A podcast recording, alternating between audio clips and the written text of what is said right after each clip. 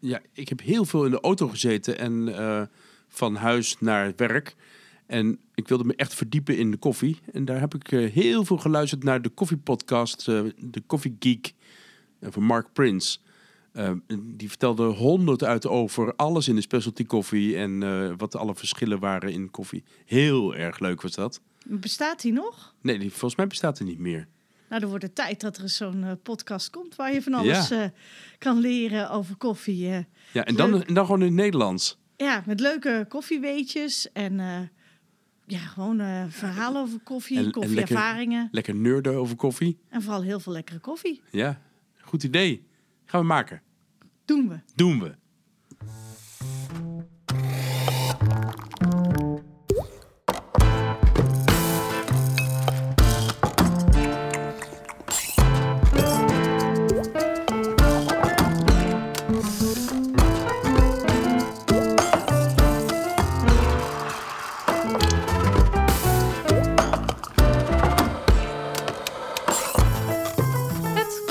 De podcast waarin je alles leert over koffie.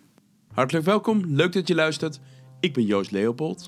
En ik ben Brechtje Debe en samen zijn wij de eigenaren van de Koffieschool. De plek waar je alles kan leren over koffie. Dit jaar zit ik 17 jaar in de koffie. Ik ben ooit begonnen bij een koffiebrander als, eh, als, als accountmanager. En ben daarna, na een aantal jaar daar gewerkt te hebben, bij een espresso-machine leverancier gaan werken als koffietrainer. En toen heb ik ontdekt hoe leuk het is om iedere dag les te geven over koffie. En Joost heeft mij aangestoken met zijn passie over koffie. En toen Joost begon met de koffieschool, ben ik gelijk met hem meegegaan. In eerste instantie gewoon om de boel te organiseren. Maar sinds kort geef ik bij de koffieschool de lessen over duurzaamheid, de sustainability training. En eh, vorig jaar heb ik een eh, boek geschreven samen met journalist Damian van der Rijden. De prijs van mijn koffie. Dus eh, ik ben inmiddels ook koffiedocent. En waar gaan we het over hebben in het koffiecollege? Ja, de naam zegt het al. Het Koffiecollege is een soort eh, online klaslokaal, een podcastklaslokaal, waarin wij eh, jullie eh, al, ja, waarin wij al onze kennis over koffie met jullie willen gaan delen. Dus we gaan het hebben over, laten we zeggen, koffiezetmethodes of achtergrond van koffie, geschiedenis van koffie, smaak. Je kan het zo gek niet bedenken. Eh, alles wat, jij, eh, wat, eh, wat je nodig hebt om zelf een stapje verder te komen in je koffiekennis. Dus heb je thuis een espresso-apparaat of zet je filterkoffie thuis... of ben je zelf wel enthousiast over koffie... Nou, dit kan jou helpen om net eventjes ja, als een echte expert naar voren te kunnen komen. En het allerbeste uit jouw bonen te halen.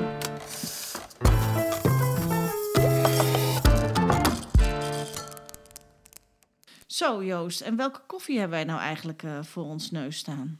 We hebben koffie gezet met een eh, opschenkmethode. En eigenlijk is dat wel een beetje tegen het zere been hier in, de, in het huis van de koffiemeesters. Eh, ehm, eh, we hebben hier alles behalve een espresso-apparaat. Ja, even voor de, voor de luisteraars die niet weten wie wij zijn. Wij hebben een koffieschool en daar staat allerlei mooie machines. Maar Joost en ik zijn ook een stel, dus wij wonen ook samen. En in de tijden van de lockdown werken wij dus ook, zoals iedereen in Nederland, thuis. Alleen thuis hebben wij geen espresso-machine, alleen maar filterzetmethodes. Ja, en, niet zo'n beetje ook. We hebben Clever, V60, Aeropress, Mokka Master, eh, diverse andere opschenkmethodes, maar allemaal filtermethodes. Lekker, maar toch af en toe is het wel lekker om die bite te hebben. Ja, dan missen we toch wel die espresso-machine. Alleen, eh, zoals eh, ongetwijfeld heel veel andere luisteraars met ons, is het niet altijd even makkelijk om een espresso-machine in je keuken neer te zetten. Je moet er maar net de ruimte voor hebben. En wij hebben op de koffieschool een hele mooie eengroeper, namelijk de Lamazocco GS3. Alleen als we die hier neerzetten, dan is ongeveer een kwart van onze keuken eh, in beslag genomen. Dus eh, genieten wij van onze espresso's en onze cappuccino's eh, gewoon op het werk.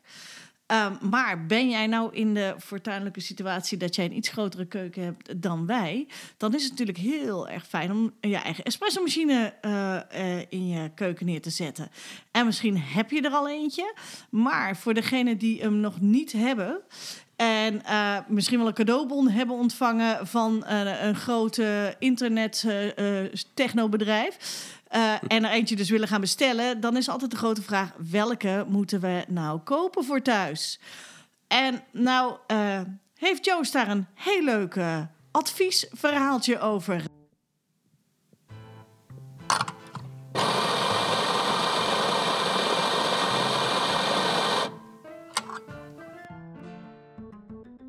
De weg die je kan afleggen om een espressoapparaat aan te schaffen begint voor iedereen op een andere manier. Zo zal voor veel mensen de prijs de eerste motivatie zijn om te kiezen voor een bepaald apparaat, maar voor anderen, waarbij de prijs van ondergeschikt belang is, kijken ook naar andere eigenschappen, zoals afmeting, functies, snelheid, uiterlijk. In dit advies ga ik op elke eigenschap dieper in. Hierin probeer ik zoveel mogelijk merkonafhankelijk te zijn. Er is een gemeenschappelijke motivatie, behoefte aan volle, stevige, stroperige espresso en romige, fluweelzachte cappuccino's. Daarnaast wil ik echt een lans breken voor koffiespeciaalzaken of koffiedealers. Het is voor hen er alles aangelegen dat jij zo lang mogelijk plezier hebt van je espressoapparaat. Dus bieden ze er service op of kan je bij hen terecht met vragen en klachten.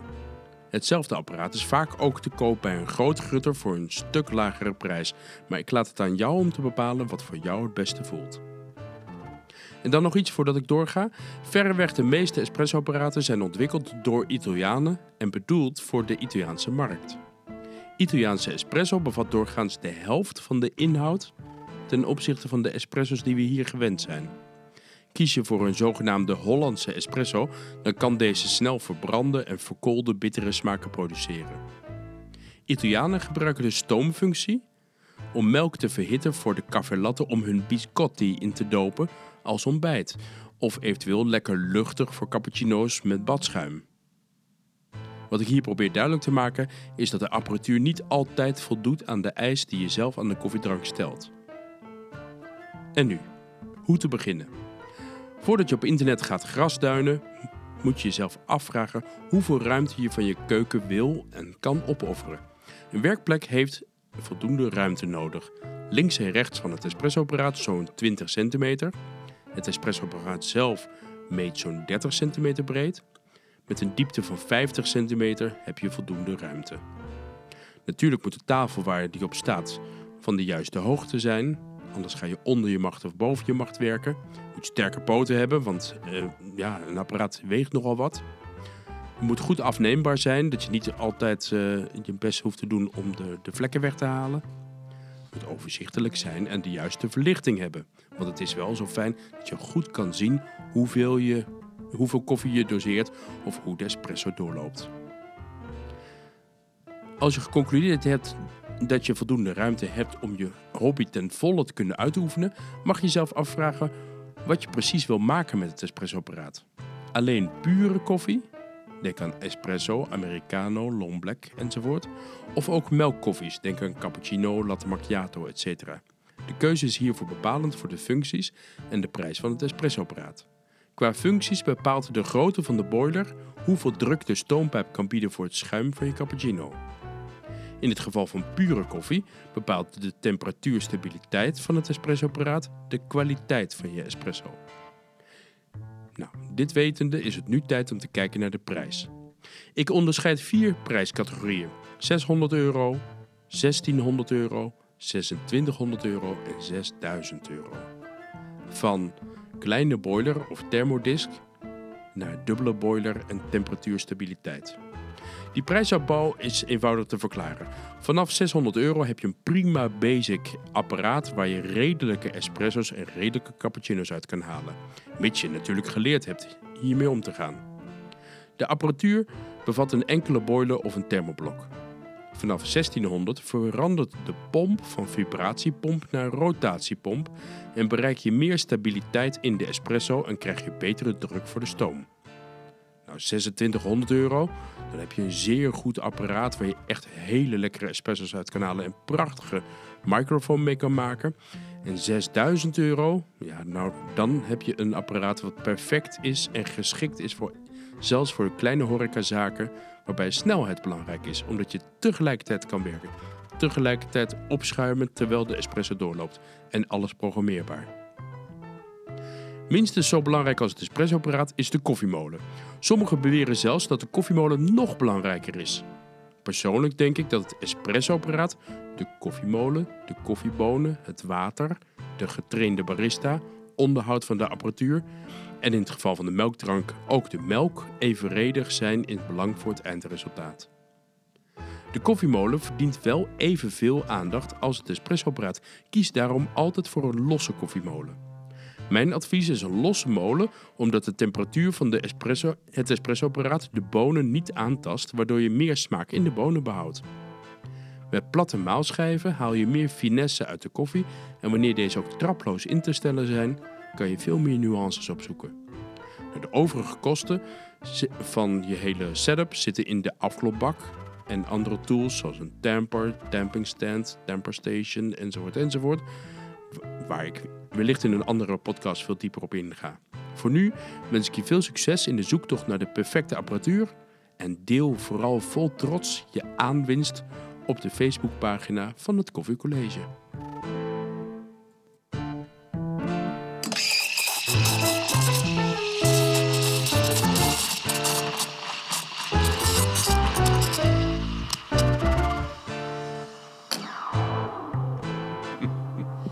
Hoop dus dat uh, de uh, luisteraars nu uh, precies weten welke apparaat ze moeten kopen. En je zei al van je moet het bij de koffiespeciaalzaak kopen. Maar kan je dan niet bij grote, heet dat, techniekzaken, ik noem ze even de... Ja, de, de, die met de blauwe... De, blauw, de blauwe bolletjes, het blauwe mannetjes. Ja, blauwe mannetjes, enzovoort. Blauw, of rode logo. Als het blauw is, precies. Of, ja, of rood met witte logo's of iets dergelijks. Rood met witte, oh, dat is ook leuk. Ja, precies. Kan je daar niet gewoon een goed espressoapparaat ja, kopen? Uh, vaak is het zo dat dat echt prijzenknallers zijn. Dus op zich, het apparaat is niks mis mee. Je kan het apparaat prima kopen. En zelfs ook die apparaten zijn al niet meer zo heel erg goedkoop. Dus ook daar heb je apparaten van ongeveer, nou toch wel 1000 euro. Misschien nog wat duurder. Maar je hebt nauwelijks service daarop. Dat is het lastige ervan. Um, uh, en uh, natuurlijk is er ook wel een service dienst, maar vaak weten ze er helemaal niks van. En uh, um, hoe, hoe lang gaat zo'n apparaat ongeveer mee?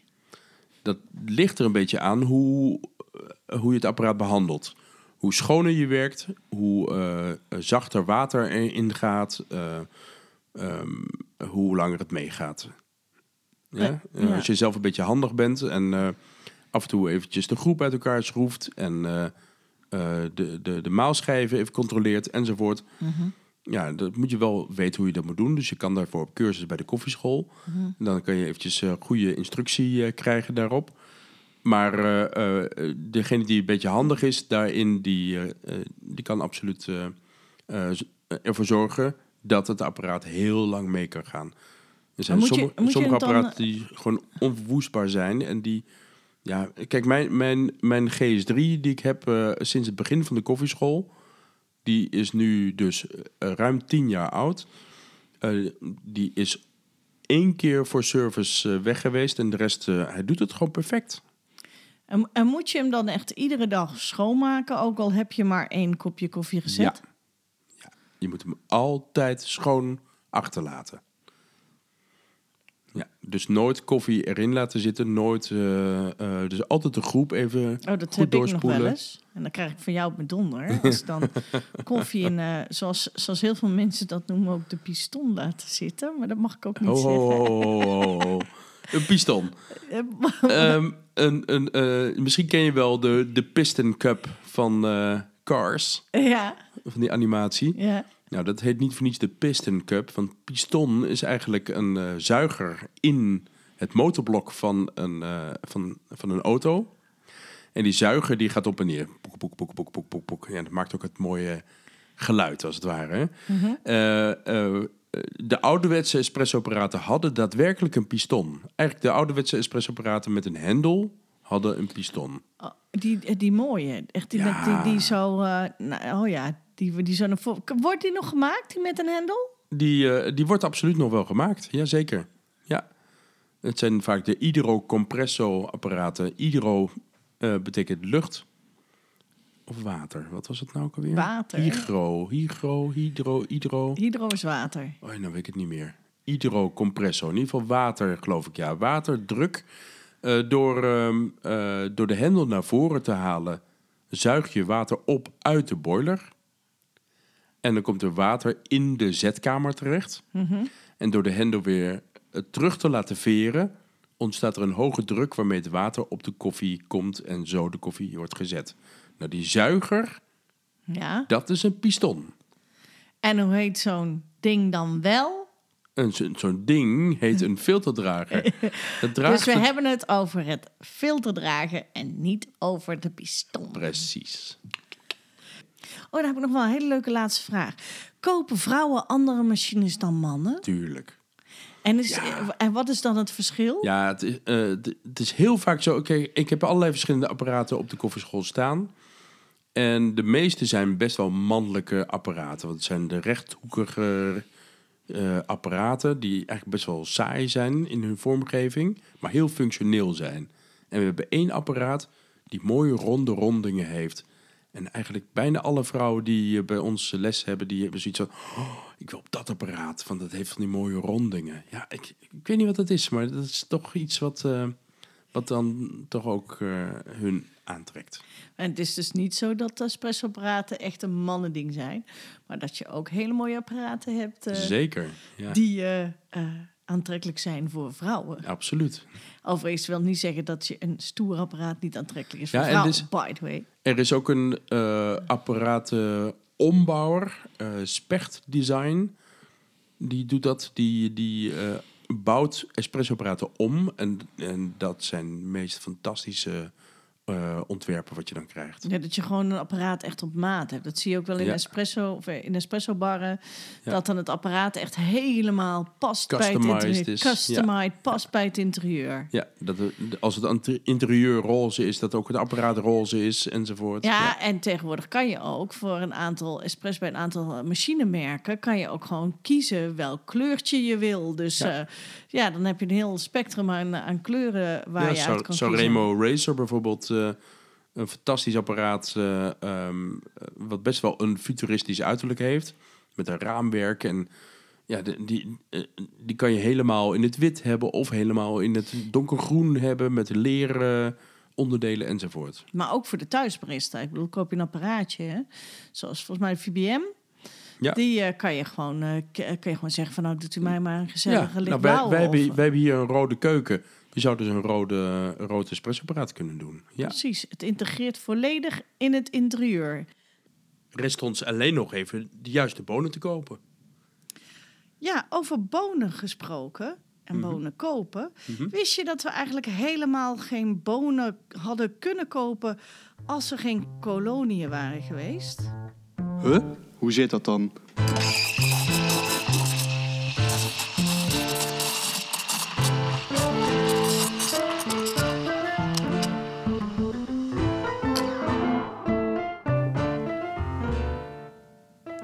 Koffie kent zijn oorsprong in Ethiopië. Hier eh, bestaan meerdere legendes over en ik vertel jullie er hier één eh, van. Ik neem jullie even mee op reis naar, eh, in de tijd naar het jaar 600 na Christus. Dat is het, eh, de tijd waarin eh, we hier in Europa de middeleeuwen beleefden en ridders ten strijde trokken.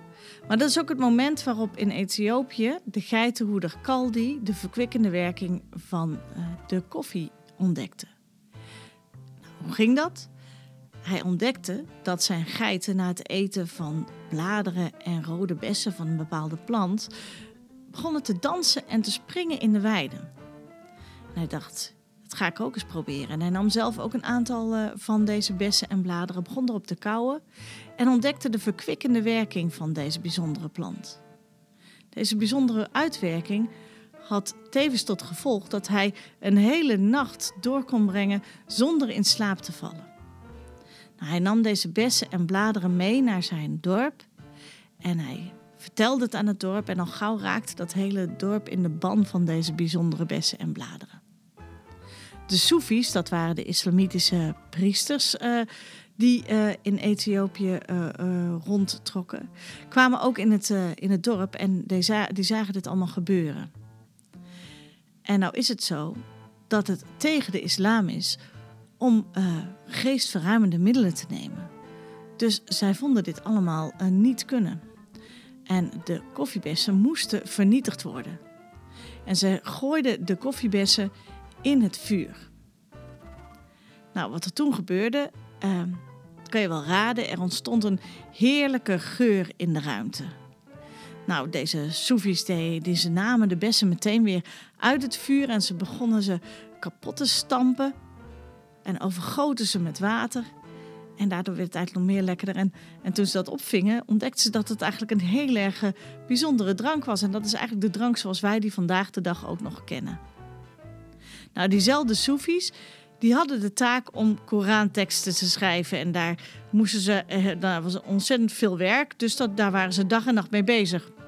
En om wakker te blijven, namen ze uiteindelijk toch die koffiedrank. Nou, dat, op dat moment dachten ze, we nemen deze plant mee. We gaan hem meenemen naar de rest van de Arabische wereld. En zij namen de plant eh, rond 650 na Christus mee van Ethiopië naar Jemen. Nou, daar werd uh, de koffie uh, gedeeld met de rest van de Arabische wereld. En na een, uh, na een, oorlog tussen de Ottomanen en de Jemenieten kwam de koffie ook in handen van de Ottomanen. En zij namen deze koffiebonen weer mee naar Turkije, waar zij vandaan kwam. Nou, was Turkije natuurlijk de poort voor hem naar Europa. En vanuit Turkije werd de koffie dan ook vervoerd naar landen als Londen, Parijs, Wenen, Italië. En overal ontstonden koffiehuizen en de koffiedrank werd immens populair. Als je vandaag de dag een keertje in, uh, de kans hebt om naar Venetië te gaan, dan zou ik zeker als ik jou was eventjes naar uh, Café Florian gaan. Dat ligt op uh, de het plein van San Marco. En dat is het uh, nog reeds bestaande, het oudste reeds bestaande koffiehuis uh, ter wereld. Ik zou als ik was wel een dikke portemonnee meenemen. Of, uh, of in ieder geval dan niks bestellen. Alleen rondkijken. Want als je daar een koffietje bestelt, dan ben je al gauw 25 euro kwijt. En dat is natuurlijk een flink bedrag. Nou, even terug naar mijn verhaal. Uh, de Jemenieten waren nog steeds de enige die in bezit waren van koffie en koffieplantages. En het was er dan ook heel veel aan gelegen dat die koffieplanten en de groene bessen het land niet uit zouden komen. Want als er ergens anders op deze wereld koffieplantages zouden ontstaan, dan zouden zij wel eens hun uh, ja, uh, monopolistische handelspositie kunnen verliezen. Dat hebben ze op zich ook dus ook vrij lang vol kunnen houden. Maar uh, uh, tot 1616.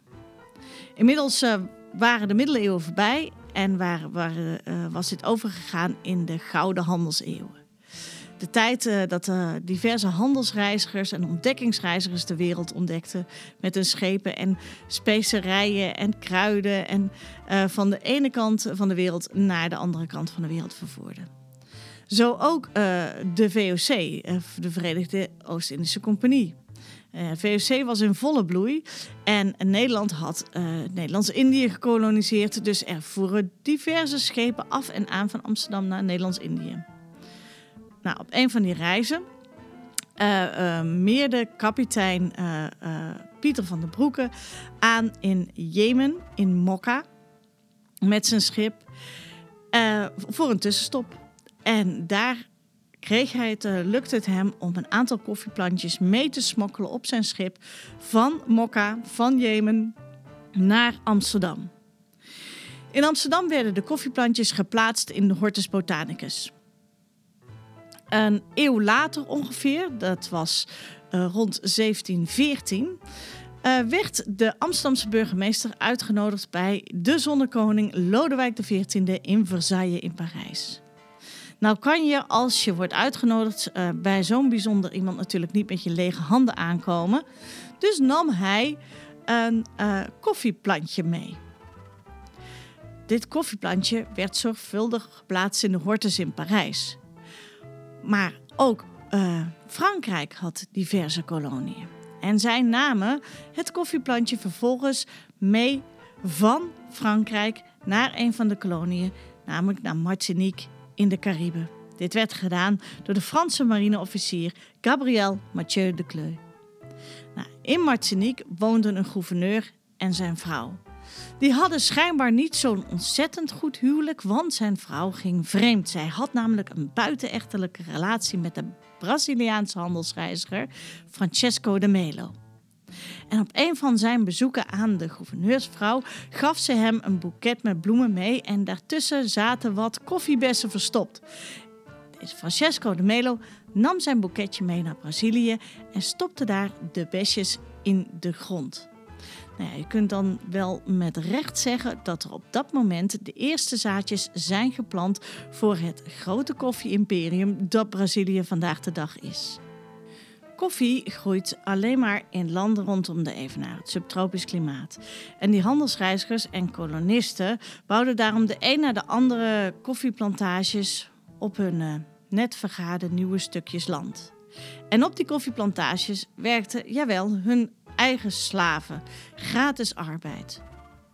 Nou, werd er in de landen zelf geen koffie gedronken. Nee, alle koffie die werd geproduceerd werd vervolgens op die handelsschepen weer terug verscheept naar de landen van herkomst, oftewel de koffieconsumerende landen.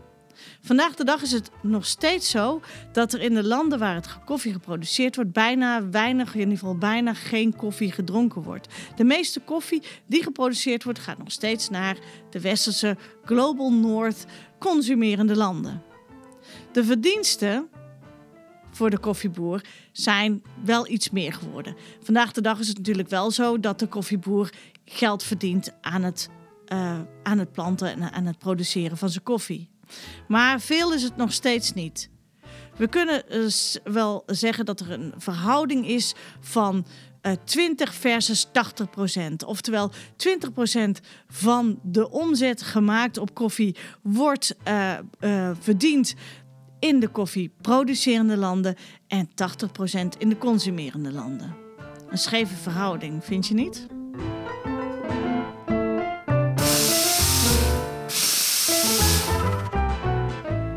Ah, dat klinkt heel interessant, uh, Brecht. Um, uh, ik vroeg me af, die, uh, het zijn toch eigenlijk altijd weer die Nederlanders? Ja, het zijn altijd weer Nederlanders. Nou, voor de rest niet, van de wereld. Het is natuurlijk niet, zijn niet alleen de Nederlanders geweest. Dit is een soort rode draad door de geschiedenis van, uh, van de koffie.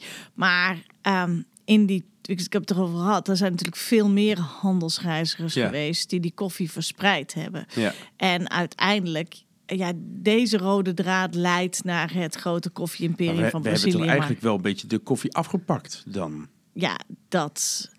Nou ja, de, de vraag is wie was eerst? Ik bedoel, de, yeah. als, de, als de koffie oorspronkelijk in Ethiopië was gebleven, ja, de, dan hadden wij het misschien nog nooit gedronken. Yeah. Maar uh, het waren niet de Nederlanders die het uit Ethiopië hebben weggehaald. Het waren de Nederlanders Nee, die. maar volgens mij is ja, Ethiopië ook nooit gekoloniseerd. dat zou heel goed kunnen, ja. Volgens mij ook niet. Ik geloof eh, dat de Italianen het hebben geprobeerd. Die hebben geprobeerd daar, eh, ehm, ik meen, eh, zo rond de jaren 40 van de vorige eeuw, hebben ze daar even gezeten. Nu zie je ook in, in Ethiopië veel eh, espresso-apparaten staan uit die tijd. Oh ja? Dat is wel heel grappig. Allemaal hydrocompresso, dus hendelmachines. Oh, wat grappig. Maar eh, ehm, eh, na- naast de normale manier waarop ze koffie bereiden, met de boena, maar, of met de jubena. Maar, de, ehm, eh, maar, maar het is niet door, eh, het is nooit een echte kolonie geweest. Dus eh, we hebben toch min of meer die koffie afgepakt eh, van hun. Ja, misschien wel. Het is, het is hoe je het bekijkt. Ik denk, ja, het, het, het, er Is, zijn is, het, is het omkeerbaar, denk je?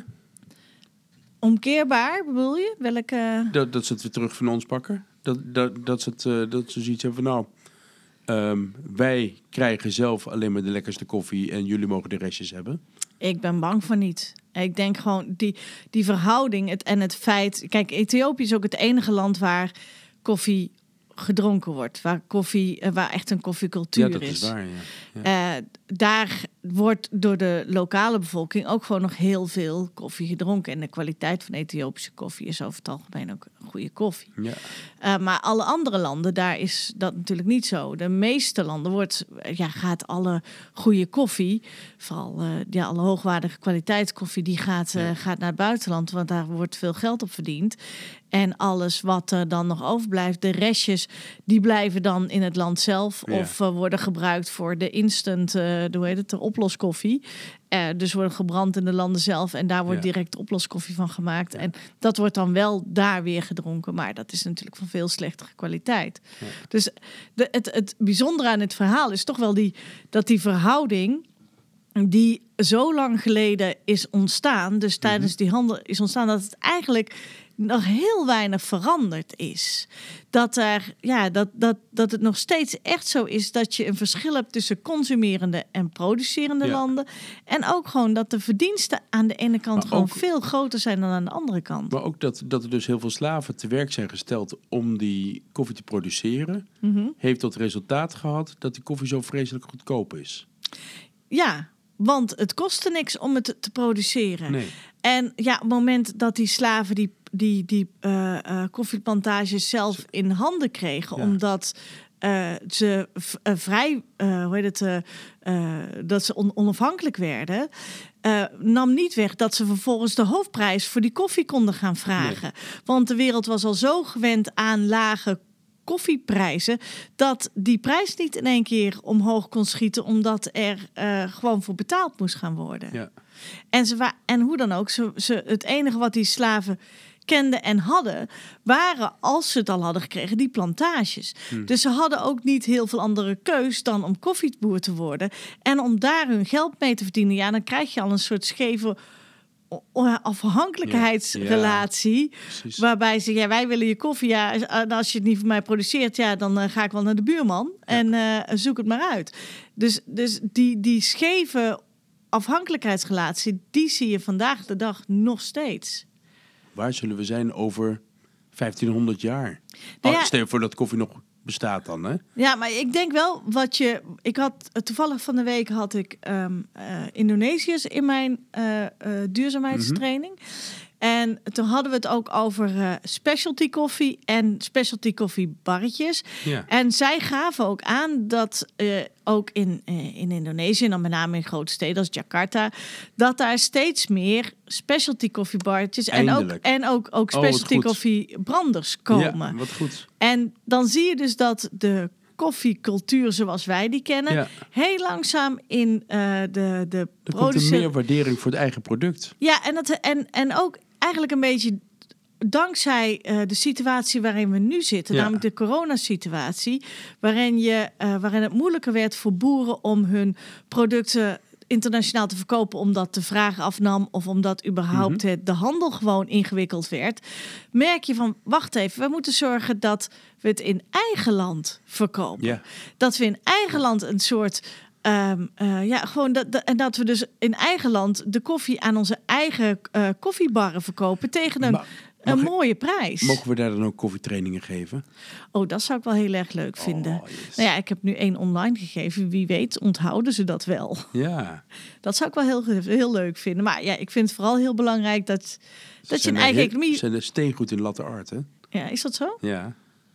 Maar wat- nogmaals, wat, wat ik erg belangrijk vind, is dat ze een eigen economie gaan creëren. En, en dat is in wezen wat wij hier in Nederland natuurlijk ook Mhm. zien of hebben gezien tijdens deze eh, tijd van, van corona, waar, waarbij het lastig wordt om producten uit het buitenland te krijgen. Dan zie je ook in één keer eh, initiatieven als Support Your Locals. Dus Ja. hè, ga kopen, koop je, koop je fruit bij de Nederlandse koffieboer en niet eh, uit, uit Marokko, ik noem maar wat. Ja.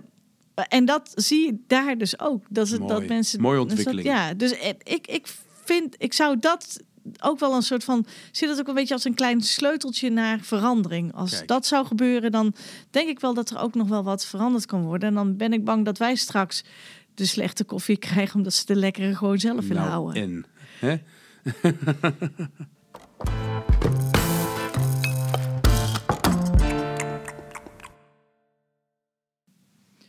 Tot hier onze koffiecolleges. En dan is het eh, nu tijd voor jullie. Wij willen namelijk heel graag jullie vragen gaan beantwoorden. Want we kunnen ons heel goed voorstellen dat jullie naar aanleiding van hetgeen wat jullie gehoord hebben... ook eh, vragen hebben. Ja, nou is het alleen één ding. Dit is de allereerste uitzending. Dus er zijn nog helemaal geen vragen. Maar heb je vragen, naar aanleiding van hetgeen je gehoord hebt vandaag... stel die vragen, stuur ze naar het koffiecollege apenstaartje koffieschool.nl... En volgende podcast kom je dan in de uitzending. En het leukste is als je de vragen opneemt op een audioberichtje. Dan kunnen we je namelijk ook gewoon echt Ja, in de uitzending halen en Ja. laten horen. Dus, eh, en, en heb je niet de mogelijkheid om te mailen of zit je toevallig nu op Facebook of op Instagram, ook daar kan je op onze eigen social media pagina's je vragen kwijt. En eh, wij zijn er klaar voor om ze allemaal te beantwoorden.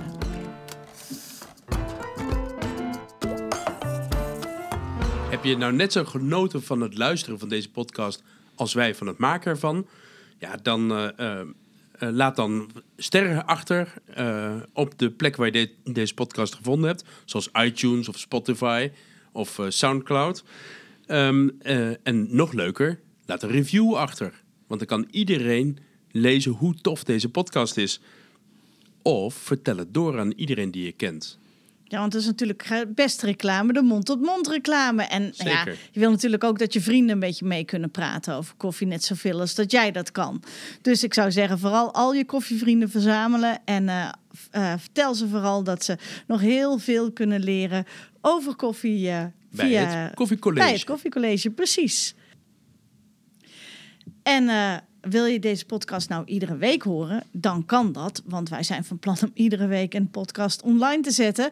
En als je dat niet wil missen, dan zou ik als ik jou was je even abonneren. Want dan krijg je namelijk iedere week een bericht dat er weer een nieuwe aflevering staat. Zodat jij helemaal niks gaat missen van dit alles.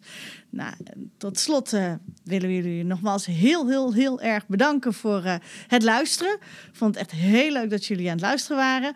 En eh, hopelijk dat we jullie de volgende keer weer eh, erbij hebben. En dan nog even dit. Voor elk probleem drink ik oploskoffie.